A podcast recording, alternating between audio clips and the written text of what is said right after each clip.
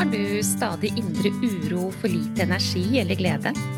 Ønsker du kartet for endring i dette? Hver episode er dedikert til å gi deg gullnøkler for livsglede og ro. Du får strategier og innspill som hjelper deg fra nedstemt til oppstemt og fra uro til ro. Vil du ha en gratis oppskrift for å lage deg gode dager? Gå til www.gayabalanse.no for din herlige morgenrutine. I denne episoden vil jeg fortelle deg det kroppen din forsøker å fortelle deg når du har smerter. Den som overhører kroppens stemme, vil etter hvert bli stoppet av kroppens hyl. Det kan jeg garantere deg, og jeg håper at du blir med meg gjennom hele episoden for viktig kunnskap som kilde til det å bedre kunne lytte, og til å kunne ta grep da, for å ta godt vare på deg. Min motivasjon for å dele dette med deg, det er at du er den viktigste personen i ditt liv. Dette er en sannhet, og det er også en sannhet i at de menneskene som er glad i deg, de er avhengig av at du tar godt vare på deg, så du ikke har det dårlig i livet ditt. For når noen har det dårlig, så blir de menneskene som er rundt, altså de som er glad i personen som ikke har det godt, blir urolige og blir preget av dette. Motivasjonen for å ta godt vare på seg selv ligger i selvsagt at man fortjener å ha et godt liv, men også at de menneskene som er glad igjen, er faktisk glad igjen og ønsker at du skal ta godt vare på deg. Dette er kjempeviktig for meg. Eh, er jeg glad jeg fikk sagt det. Men du, hva tenker du når kroppen din sier ifra med smerte? Eksempel når skuldrene dine er vonde, eller nakken er vond og spenningshodepinen er det som skjer i toppetasjen. Eller når magen er vond, eller ryggen er vond, eller ja, det er det samme egentlig hvor. Hva, hva er det du gjør da, når kroppen din er vond? Når du har smerte av et eller annet slag, et eller annet sted, eller flere steder i kroppen din? Hva er det du gjør med det? Um, jeg vet om, og det, sånn må det være, fordi vi har et veldig veldig stort forbruk av smertestillende medikamenter i dette landet. Så jeg er helt sikker på at det er veldig mange da som løper til pilleboksen, tar seg eksempelvis en Paracet, og så løper de videre i livet sitt. Ja, det er jo et valg. Men den Paraceten gjør ingenting med årsaken til eh, smerten gjør ingenting med det kroppen forsøker å fortelle. Gjør ingenting med helheten i nettopp helheten, og den vil jeg snakke mer om.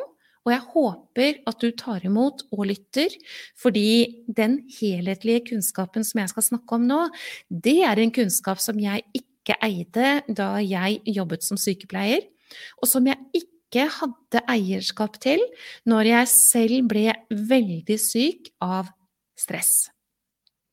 Denne sykdommen av stress, med stress, og hvordan det var å være meg da, eh, den var dramatisk. Men smerter i kroppen hadde jeg jo hatt siden jeg var et barn.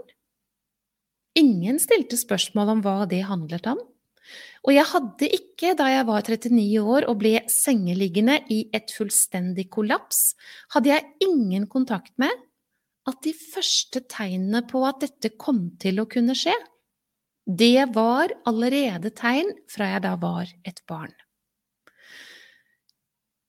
Hvordan tenker du om smerter?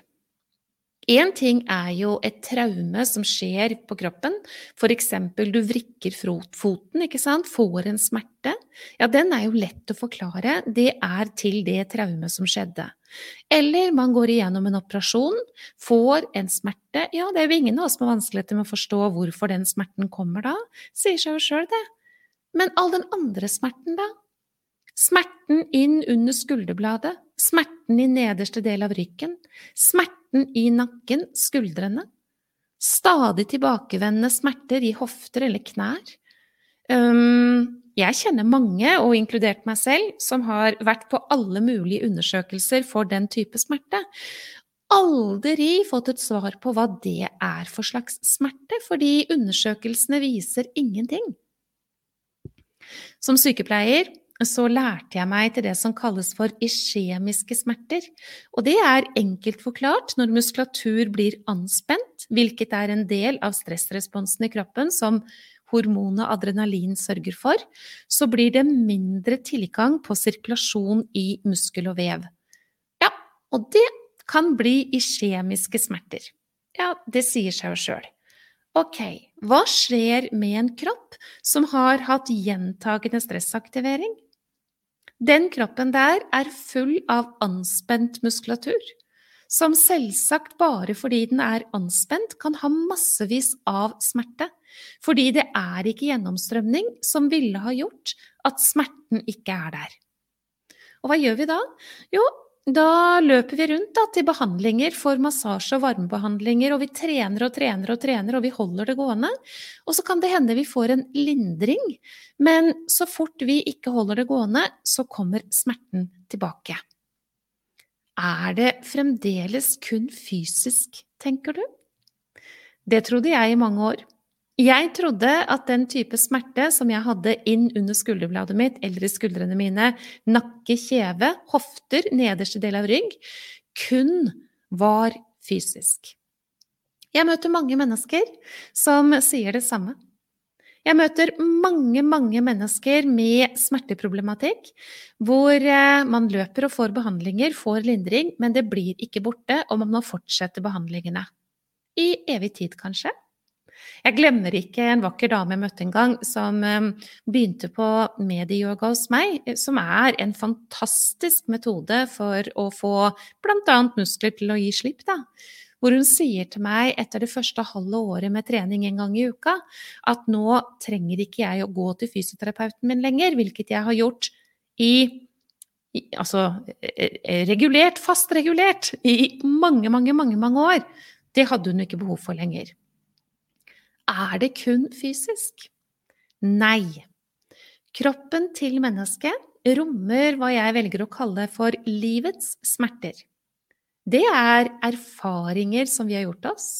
De er overbevisningene og begrensningene våre.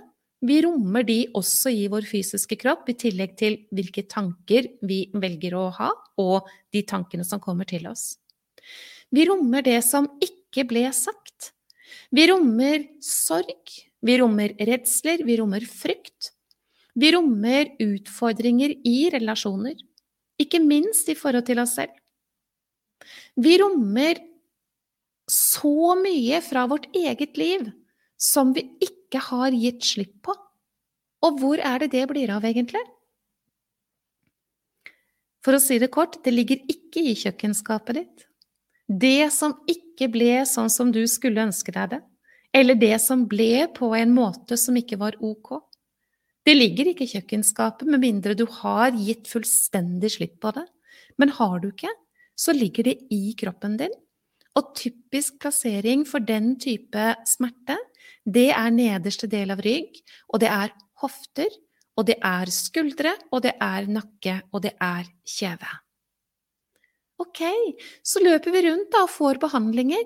Men gjorde vi noe med det som vi ikke slapp taket på når vi var på benken hos behandleren?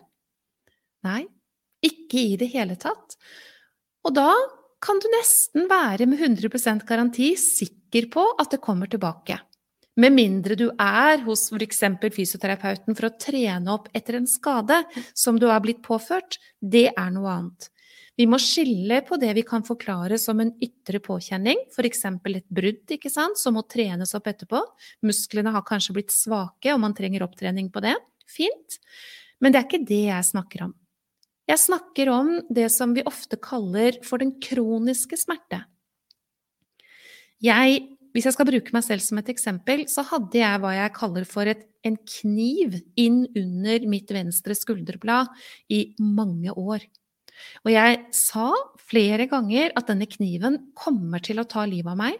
Jeg orker bare ikke denne smerten lenger. Og jeg prøvde alt som var av behandlinger. Jeg var hos alt mulig som kunne krype og gå av behandlingsmetoder. Og jeg husker så godt at en fantastisk mann, en manuellterapeut, han sa vi skal prøve trykkbølgebehandling vi på det området inn under skulderbladet ditt. Og dermed så ble det en maskin som durte og bråka og, og slo og, og, i det hele tatt. For det skulle liksom knuse da, et eller annet i dette området. Hjalp det? Nei, det gjorde ikke det. Vet du hva som hjalp? Det kan jeg fortelle deg. Det var når jeg begynte å ta egenkjærligheten på alvor. Det var når jeg begynte å møte det som ble som det ikke skulle, med aksept. Det var når jeg begynte å møte det som ikke ble, med aksept. Fordi jeg er viktig i mitt liv og kan ikke gå rundt og bære på det jeg ikke kan få gjort noe med. Egenomsorg, selvmedfølelse, aksept, tilgivelse. Det var når jeg tok de ingrediensene på alvor i tillegg til en ting til, og det var å begynne å si ifra. Det var å begynne å sette grenser og si ifra. Nå er nok nok. Jeg har også en stemme her. Jeg måtte lære meg til å kommunisere på en måte som gjorde at jeg ble sett, hørt og forstått. Og det var en læring som var nødvendig å ta, kan jeg si deg, og det var for meg en lang vei å gå, som hadde i årevis, helt fra jeg var barn, vært grenseløs i forhold til relasjoner. Det var når jeg tok mitt eget liv på alvor, at det begynte å skje ting. Det var når jeg tok livets smerte på alvor, at det begynte å skje ting. Nå nevnte jeg helt spesifikt eh, smerte innunder venstre skulderblad, men eh, smerter i skuldre, i nakke og i kjeve forsvant i samme runde.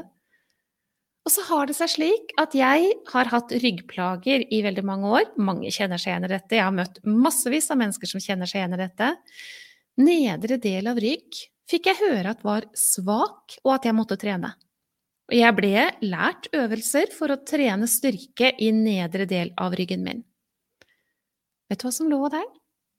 Frykt, redsel og sorg. Og når jeg fikk jobbet med dette, så ble det endringer. Ok. Dette arbeidet, det er noe enhver av oss er nødt til å ta, istedenfor å gjøre det som vi oftest får eh, som bidrag til hjelp. Åpne pilleboksene og ta oss noen piller, og fortsette å løpe i livet vårt. Fortsette å ikke sette grenser. Fortsette å ikke møte våre egne følelser. Fortsette å tie, eksempelvis. Fortsett å dytte bort det som har vært vanskelig, istedenfor å hente det frem og finne veien til aksept. Fortsett å være i relasjoner som ikke er gode, osv. Nytter ikke det, altså? Når kroppen gir beskjed, så er det noen ting. Og det er aller først den stille hvisken som kommer. Men når vi ikke hører på den, så begynner kroppen å bli stadig tydeligere. Kroppen forsøker å fortelle deg, og det kroppen forsøker å fortelle deg, det er at det er noe i deg som er nødt til å møtes og forandres på. Livet. For eksempel. Du blir rammet, kjære du, svært hardt dersom du ikke lytter. Det nytter ikke å få gjort noe med årsaken dersom du skrur ut lampen ved å late som om det ikke finnes.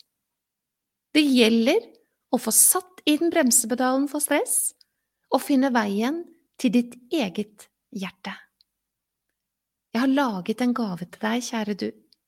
En gave som har til hensikt å hjelpe deg til å starte dagene dine på absolutt den beste måten, også i forhold til å ta kontakt med ditt eget hjerte.